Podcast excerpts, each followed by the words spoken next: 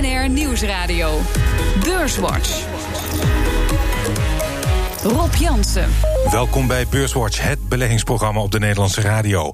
Met Arend Jan Kamp van IEX.nl en Josse Steeg van Insinger Gillissen. Welkom. Um, er is wat uh, optimisme, op de beurs althans, over de handelsoorlog. En het ECB-besluit viel op de beurs beter dan bij Klaas Knot. Um, de grote vraag is of dit positieve sentiment de komende weken aanhoudt. Pols ik altijd even vooraf. Jos, wat denk jij? Ja, wij zijn voorzichtig, we zijn eh, neutraal gepositioneerd, zoals dat heet. Hè, dat we het een beetje aanzien. Want ik denk dat het optimisme over, die, uh, handel, over dat mogelijke handelsakkoord in december misschien wel erg groot is. Uh, er is een grote kans dat de Chinezen Trump aan het touwtje houden en uh, het rekken tot Trump verdwenen is en dan wachten op een betere deal. Dat is mijn scenario. Hoe beoordeel jij het sentiment, Arend-Jan? Uh, het, is, het, is, uh, het, is, erg lastig. Het is een bekende uh, armpje drukken tussen, tussen bulls en bears. Het is echt wel wat, wat Jos zegt. Komt, komt er een goede oplossing voor die handelsoorlog? Dan kan er echt wel iets van euforie gaan ontstaan. zo niet, ja, dan weten we, kan, kan er opnieuw trammeland zijn. voor een recessie in Europa ben ik zelf niet zo heel erg bang. Behalve dan de Duitse industrie. Ik vind het net dat bericht van BMW vind ik tekenend met VDL. Het gaat gewoon niet goed met BMW. En, maar ja, de beurzen die staan wel weer hoog. Ik zit echt naar de S&P 500 te kijken. Staat op randje all-time high. De IJs staat 10, 10 punten onder de top van dit jaar. Dat ziet er wel goed uit. Het was de week waarin het Zuid-Afrikaanse media- en internetbedrijf Prozus naar de Amsterdamse beurs ging. Na Shell en Unilever is Prozus het grootste bedrijf op het Damrak qua marktwaarde. Topman Bob van Dijk. Wat Marktplaats hier in Nederland doet, dat doen wij in 30 landen. En wat, uh, wat Thuisbezorgd hier in, in Nederland doet, uh, heel goed doet, dat doen wij in uh, ongeveer 35 landen.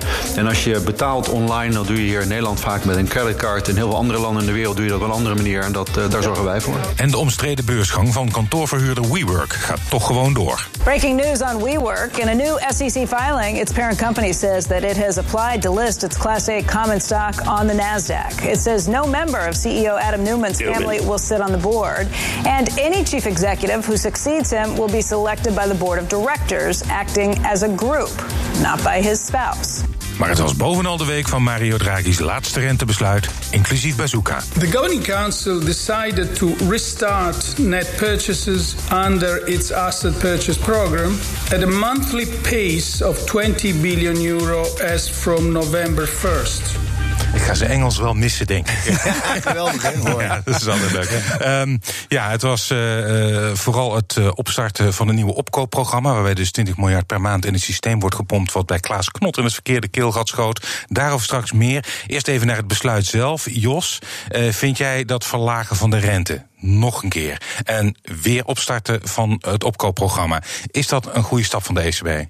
Het lijkt wat prematuur. De kritiek die Klaas Knot gaf, die, daar kan ik me wel redelijk in vinden. Aan de andere kant vind ik ook van als je op tijd kan reageren, dan zou dat natuurlijk wel mooi zijn. Want uh, ja, zo heel erg goed gaat het niet met die inflatiedoelstelling. Hè. Die zit er al jaren naast. En je moet uitkijken dat als die inflatieverwachtingen echt verankerd raken. Als je nu kijkt naar de lange termijn verwachting voor de inflatie, ligt op 1,2 procent.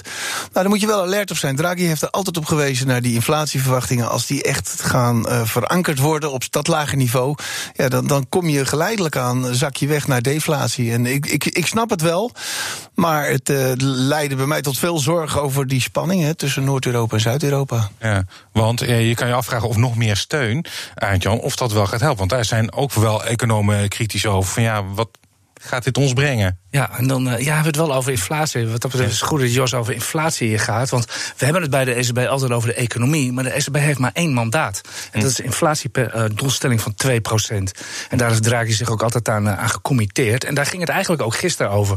Dat iedereen alles het naar de economie vertaalt, is eigenlijk een be beetje een zijpaadje. Ja, ik zie ook niet hoe dit gaat werken. Dus wat dat betreft sluit ik me ook wel aan bij, bij Knot. Maar ook andere bankpresidenten die zich vandaag zeer geroerd hebben. De, de Oostenrijkse bankpresident deed het ook. Die van.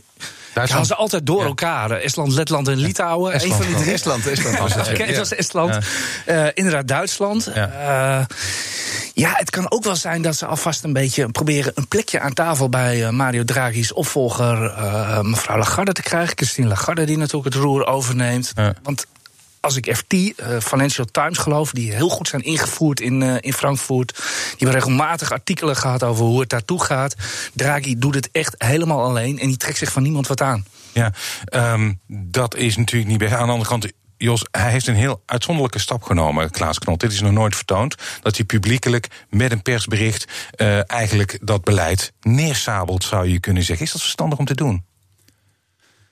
Ja, het, het straalt geen eh, eenheid van de ECB uit. Eh, ik, ik, vind dat, eh, ik vind dat eigenlijk niet zo verstandig, nee, om dat zo naar buiten te dragen. Die spanningen tussen het noorden en het, en het zuiden. En dat is waar ik me dus echt druk over maak. Als die rente zo lang laag blijft, mm het doet in het noorden ontzettend pijn. Kijk maar naar onze pensioenfondsen. Dat is, en voor de spaarders, mensen die gewoon willen sparen, doet het ontzettend pijn. En nou, het is vooral dus eigenlijk wel om de zuidelijke landen enigszins te helpen. En die solidariteit, die kan door deze beslissing en als er zometeen misschien nog wel een renteverlaging komt, eh, behoorlijk onder druk komen te staan.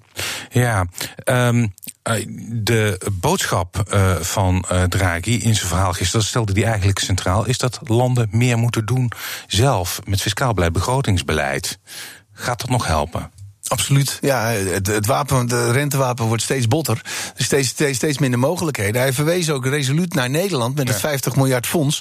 Nou, 50 miljard is natuurlijk veel te weinig. In Duitsland speelt het nu ook met een soort schaduwfonds. wat mogelijk wordt uh, opgericht. En het zou natuurlijk veel mooier zijn als Lagarde, Lagarde het voor elkaar krijgt. om een groot Europees mm.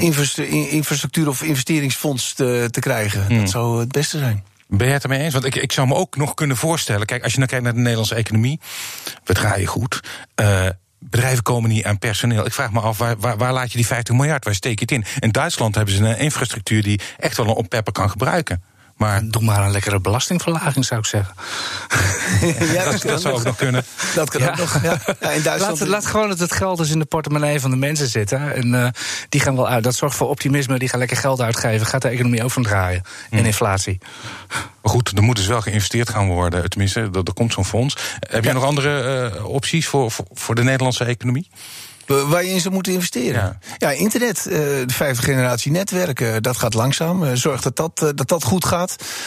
dat er mogelijkheden voor zijn. Zeker in Duitsland is vooral infrastructuur, de elektronische infrastructuur is heel erg slecht, internet. Hm. Dus daar zou nog veel in geïnvesteerd kunnen worden. Hm. Dat zou heel slim zijn. Ja, en de rente staat laag. er wordt veel geld in gepompt in het systeem. Um, wat moet je nou als belegger doen? Wat zou jij een belegger adviseren? Ik bedoel, eh, dus maar aandelen? Uh, op de beurs is altijd een motto van don't fight the central banks. Met andere woorden, beleg niet tegen de centrale banken in. En dan is eigenlijk op dit moment is het uh, aandelen is het antwoord.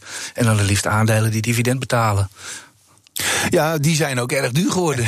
Wij staan er ook naar te kijken. Koopjes zijn er niet meer bij. Ik ben, ik ben over die aandelen ook wel enthousiast hoor, die consumer uh, staples.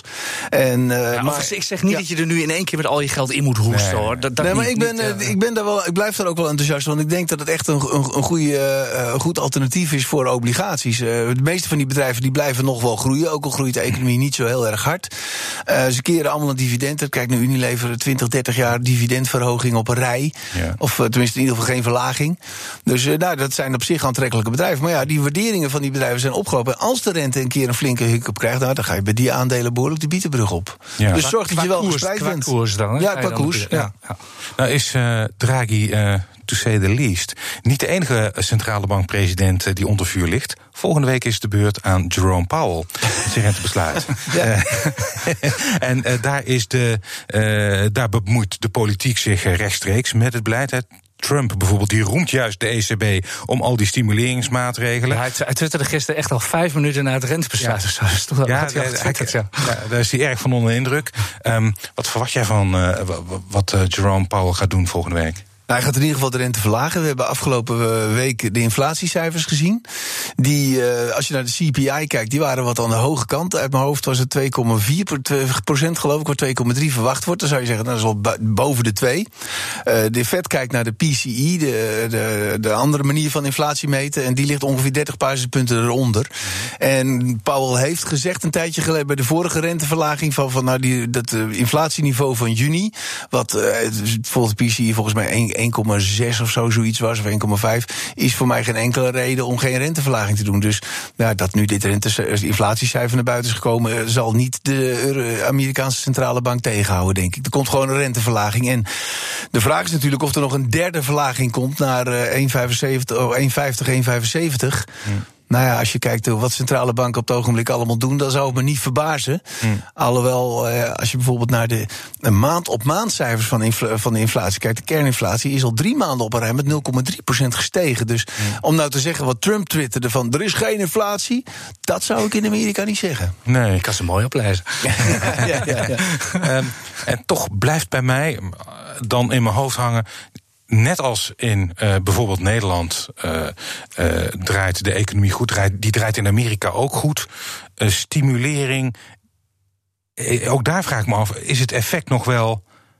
Is het effect nog wel daar? Je hebt, als je kijkt naar een recessie, dat zegt Klaas Knop bijvoorbeeld, die is er niet, die, die ligt nog niet echt om de hoek.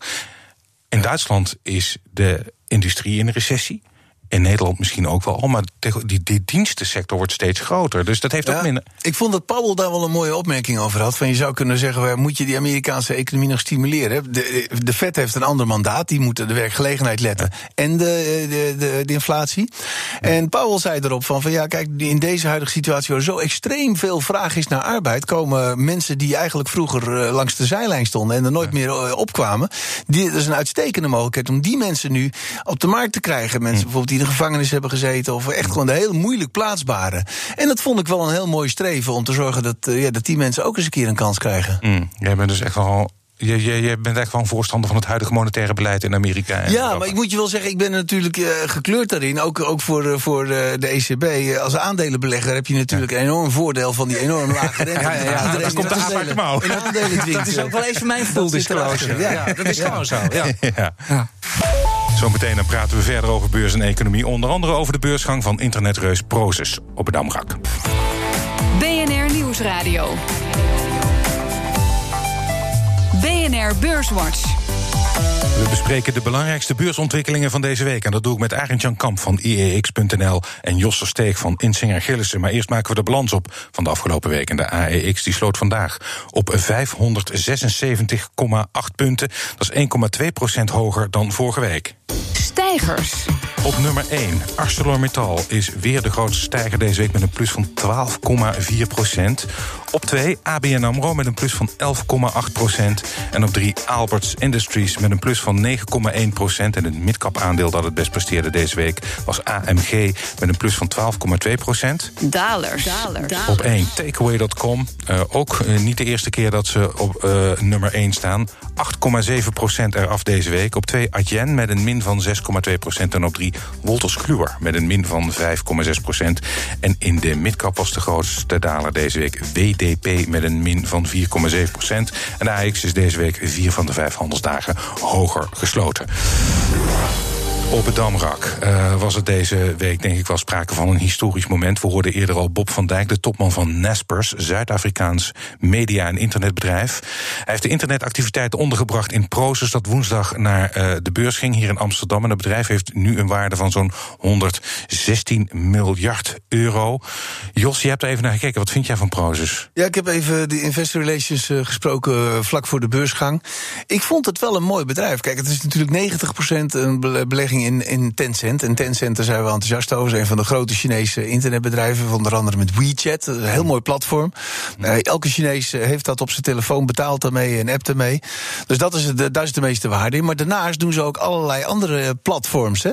Ze hebben in voedselbezorging, ze hebben een belang in Delivery Hero. Maar ze hebben ook lokale voedselbezorging in India bijvoorbeeld. Ze doen betaling. Ze hebben allerlei uh, bijvoorbeeld marktplaatsachtige websites ook. En dat doen ze aan de ene kant als belegger maar aan de andere kant bemoeien ze zich ook operationeel met die bedrijven. En ja, het goede uh, hand van kiezen hebben. Hmm. Heb jij ernaar gekeken? Ja, ik was zelfs nog even bij de beursgang woensdag. ik, ik, dacht van nou, inderdaad, er komt 100 miljard naar de beurs. Dat zal wel een hele, hele show zijn.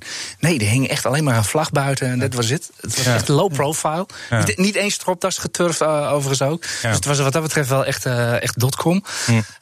nee, even voor de goede orde. Proces is een beleggingsfonds. En, ik, ik vergelijk het zelf heel erg met HAL wat we hier in Nederland genoteerd hebben, mede-eigenaar van BNR.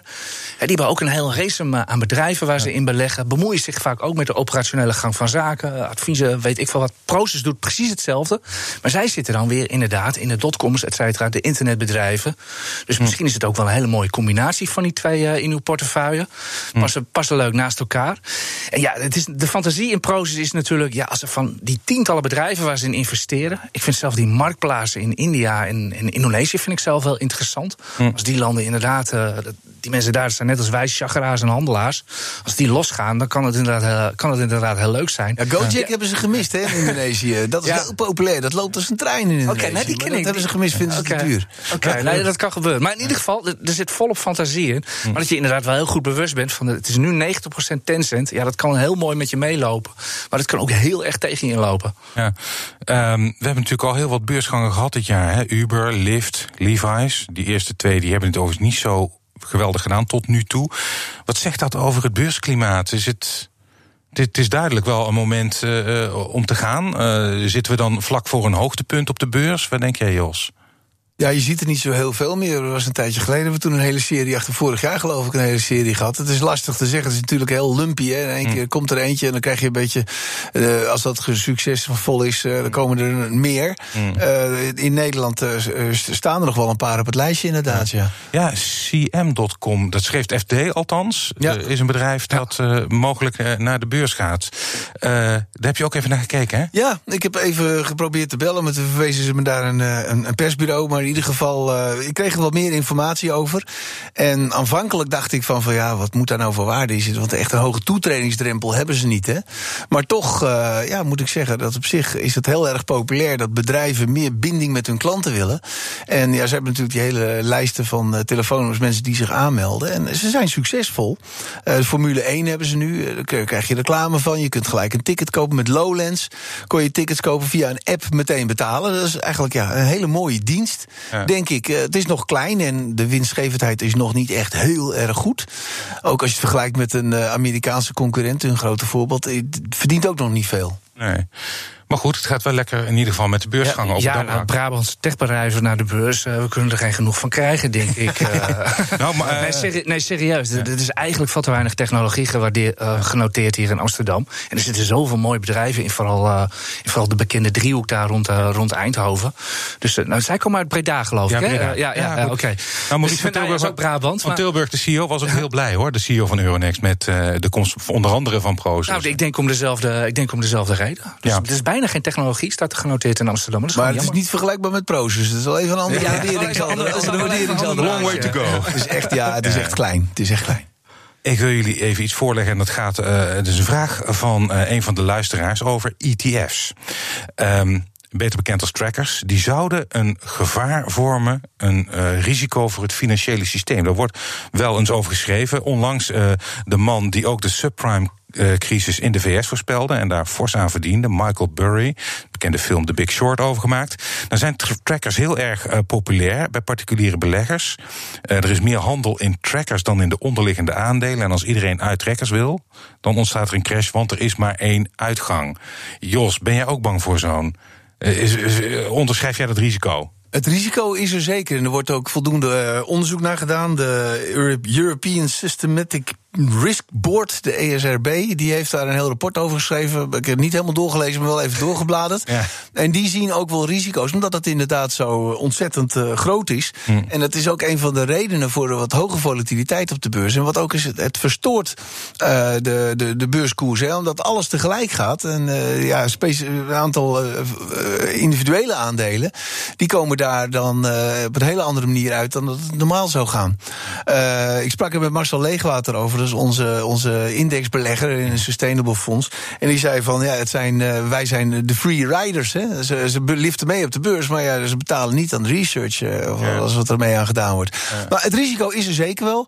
Het wordt door allerlei instanties die daarvoor zijn aangesteld onderkend. Er wordt goed naar gekeken. En tot nu toe ja, wordt er nog niet veel aan gedaan. Maar nee, want, het, want, het, is razend populair onder particulieren. Ja, in mijn full disclosure, mijn geld zit er, zit er ook in. Ik koop iedere maand indextrekkers. Hm. Uh, ik ben daar zelf niet zo heel erg bang voor. Hm. Het, uh, het, het, het, is inderdaad wel waar. Want je, je hebt nu natuurlijk als, uh, als particuliere belegger... je hebt ineens, als je in de wereldindex zit... ineens 1600 aandelen in handen. Waar je met één druk op de knop kan je ze, kan je ze kopen of verkopen. Het is gebeurd. 24 augustus 2014 ging de beurs zomaar out of the blue 10% omlaag. En rond opening van Wall Street liep daar de hele boel vast. Want de particulieren hadden voorbeurs in paniek zeg maar, hun trekkers verkocht. Ja. En ineens moesten al die fondsen inderdaad verkocht worden. Ja. Als bij de hele grote blue chips, in de, de, de Apples van deze wereld, eh, de Procter Gamble's, die kunnen wel wat hebben. Maar er zitten natuurlijk ook veel meer kleinere aandelen onder. Ja, en dan wordt het, uh, wil het wel eens heel erg druk gaan worden in het boek. Hm. En dat, dat is, dat is inderdaad een groot gevaar. Dat inderdaad die groep mensen, de particulieren, wil er in één keer met z'n allen uit, met alle aandelen. Ja, dat kan, dat kan een rare klap hm. opleveren. Ja. Um, het is alweer bijna het einde. ja, het gaat heel erg snel. Ja, we hadden, we hadden een langere lijst. Ja. Um, maar ja, het is echt tijd voor iets waar uh, de uh, luisteraar heel erg naar kijkt. Dus de cliffhanger van de show, namelijk de, de tip voor de luisteraar. Arend Jan, wat mag is ik aftrappen? Ja, jij mag aftrappen. Ik, uh, ja, uiteraard er natuurlijk even goed naar gekeken. Ik heb een tip voor echt de, de boels. Dus denk je echt dat de, dat de beurs blijft stijgen? Denk je dat niet, ga je hier niet aan wagen. En dan ook mensen die wel van een beetje risico houden... en van adrenaline in de aderen kunnen. Ik zou zeggen, kijk even heel goed naar de grafieken van ArcelorMittal en AMG bij de metaalbedrijven, om het maar even heel kort samen te vatten. Gaan hard, het laatste tijd. Die grafieken die staan technisch op uitbreken. Ik wil nu niet zeggen dat dat gaat gebeuren of wat dan ook. Maar uh, de geoefende luisteraar, die wel eens wat vaker die ArcelorMittal kent of AMG er wel eens in gehandeld heeft, weet dan genoeg. Dan kan het kiezel hard gaan met die fondsen en kan je misschien een leuke rit maken. Ik zou het beslist niet doen zonder stop los. Pik even de, de, de, recente bodem, zou ik als stop los nemen. Dat is toch ook alweer 20 procent. En dat is, dan, uh, dat is dan mijn tip. ArcelorMittal. En AMG. En AMG. Jos, jouw tip voor de luisteraar. Ik ben al een tijdje eh, enthousiast over Infineon. Dat hebben wij op koop staan. Eh, Chipbedrijf. Ja, ik volg eh, de semiconductorindustrie vrij goed. En Infineon die is eigenlijk fundamenteel ook heel goed gepositioneerd. Zij maken power semiconductors, eigenlijk de schakelingen van binnen elektrische systemen aan-uit. Nou, dat is iets wat je overal nodig hebt. Dat is niet zo moeilijk. Dat kan je ook nog begrijpen. En, ja, precies. en zij hebben een hele goede positie in de auto-industrie. En auto's, nou, dat zal iedereen begrijpen, die worden geleidelijk aan steeds meer elektrisch. Er zitten gewoon steeds meer sensoren in, die maken ze ook. Dus daar zitten ze goed in. En vervolgens zitten ze ook heel goed in de groene sectoren, stroomopwekking. Want daar heb je tegenwoordig ook steeds meer semiconductoren voor nodig. Omdat eh, de, het opwekken van uh, wind- en zonne-energie is heel anders dan een, een gasgestookte centrale. Omdat dat veel meer fluctueert. Je hebt allerlei elektronica nodig om een mooie gelijkstroom te krijgen. Hm. Dus dit bedrijf is op lange termijn heel goed gepositioneerd. En je ziet de semiconductormarkt zie je nu de laatste tijd behoorlijk aantrekken. Al drie, vier maanden op een rij zie je maand op maand groei. Het enige grote risico is dat denk ik het rendement heel hoog kan zijn. Je kan een behoorlijk rendement erop halen. Boven de 20 kan die wel gaan. Is als er wel een recessie komt. Wij hebben als basisscenario geen recessie. Als er een recessie komt, dan ga je nog even flink naar beneden. Oké. Hartelijk dank. Josse Steeg van Insinger Gillissen en Arend Jan Kamp van IEX.nl. Dit was BNR Beurswatch. En als u wilt reageren, dan kunt u een mail sturen naar beurswatch.bnr.nl of tweeten naar Rob Beurs. Terugluisteren kan via de site, de app, iTunes of Spotify. En graag tot volgende week.